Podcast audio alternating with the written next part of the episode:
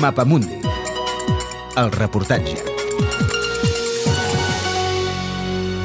El mur de Berlín, 25 anys de la caiguda d'un símbol.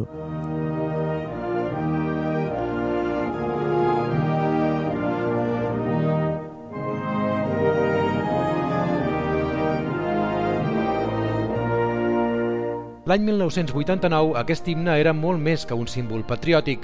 Al territori de l'antiga República Democràtica Alemanya, l'RDA, l'himne alemany s'havia convertit en un símbol de llibertat.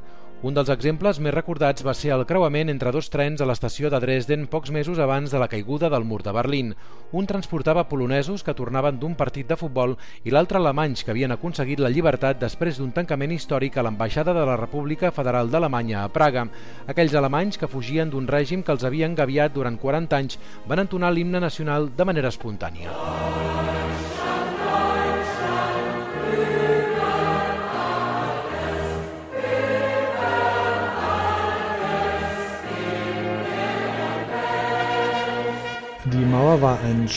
El mur era un sistema d'engaviament al voltant de Berlín Occidental.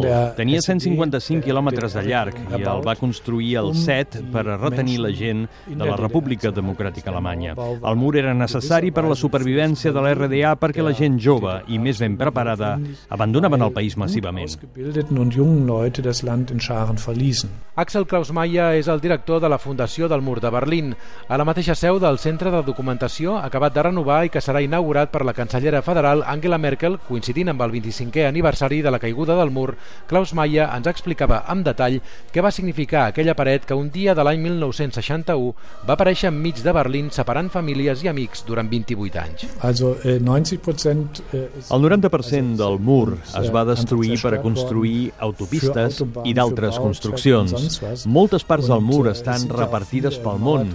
Hi ha subhastes d'art on s'han venut o senzillament s'han instal·lat com a símbol de llibertat. Einfach schlicht und ergreifend als Symbol für die Freiheit. Wir wollen El mur va costar la vida a més d'un centenar de persones. Per això, després del 9 de novembre del 1989, hi havia pressa per esborrar-lo del mapa el més aviat possible. Berlín no s'acaba a la porta de Brandenburg. Això és el que entonaven els nens d'aquest cor del Berlín Occidental durant la celebració del primer cap d'any de l'Alemanya reunificada l'any 1990. Però després de la Segona Guerra Mundial, les forces aliades que havien derrotat el Tercer Reich del dictador Adolf Hitler van repartir-se Alemanya i Berlín en quatre sectors. El sector soviètic va ser l'embrió de l'Alemanya comunista, anys més tard aïllada del món exterior pel mur que va caure fa 25 anys.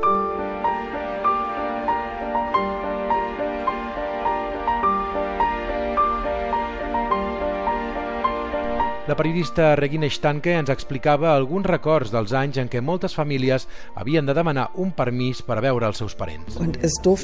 Estava prohibit rebre visites. Només ho podien fer parents de primer grau, és a dir, els pares i els germans.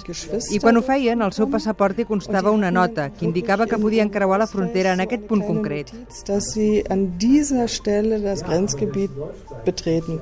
L'Estasi, la policia secreta al servei del règim controlat pel SET, el partit de la Unitat Socialista socialista d'Alemanya no descansava mai. En dies emocionals com Nadal, per exemple, s'augmentava la seguretat. Hi havia soldats de duana a les portes de les cases per evitar que la gent intercanviés missatges i senyals amb els seus amics o familiars de l'altre costat. Freunden oder Verwandten von der anderen Seite.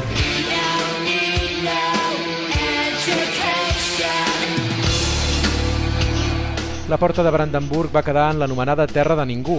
El cor de Berlín, el Reichstag, la Potsdamer Platz, centres polítics, motors econòmics d'una gran capital europea, van quedar literalment abandonats durant dècades perquè es trobaven al centre geogràfic que simbolitzava la divisió del món en dos sistemes enfrontats, el comunista i el capitalista. Avui el mur és història, però els esdeveniments recents a Ucraïna i les tensions entre la Federació Russa i l'OTAN fan pensar en l'amenaça d'una nova guerra freda. En aquest sentit, Berlín disposa d'una àmplia oferta didàctica per entendre el que va passar a l'Europa dividida pel taló lo de hacer El Checkpoint Charlie, un dels passos fronterers entre els dos Berlins, n'és un exemple. D'allà en surten estudiants alemanys com la Clàudia. M'ha sorprès tot el que la gent es va arribar a empescar per a travessar el mur, amb barca, volant, amagant-se en un cotxe, els passaports... M'ha sorprès perquè a l'escola encara no ens ho han explicat i tot plegat fa una mica de por. I també en surten turistes nord-americans com en Michael. Detalls que desconeixia. Per exemple, els nombrosos intents de fugida, des de globus aerostàtics fins a escales fetes a casa. És molt emocionant veure tot el que la gent era capaç de fer per aconseguir la llibertat democràtica.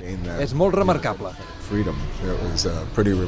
Molts turistes marxen de Berlín amb un souvenir, un suposat trosset de mur acompanyat d'un dubtós certificat d'autenticitat. El 9 de novembre del 2014, Berlín vol exportar molt més que un trosset de mur. Vol enviar el missatge que un món sense murs és possible.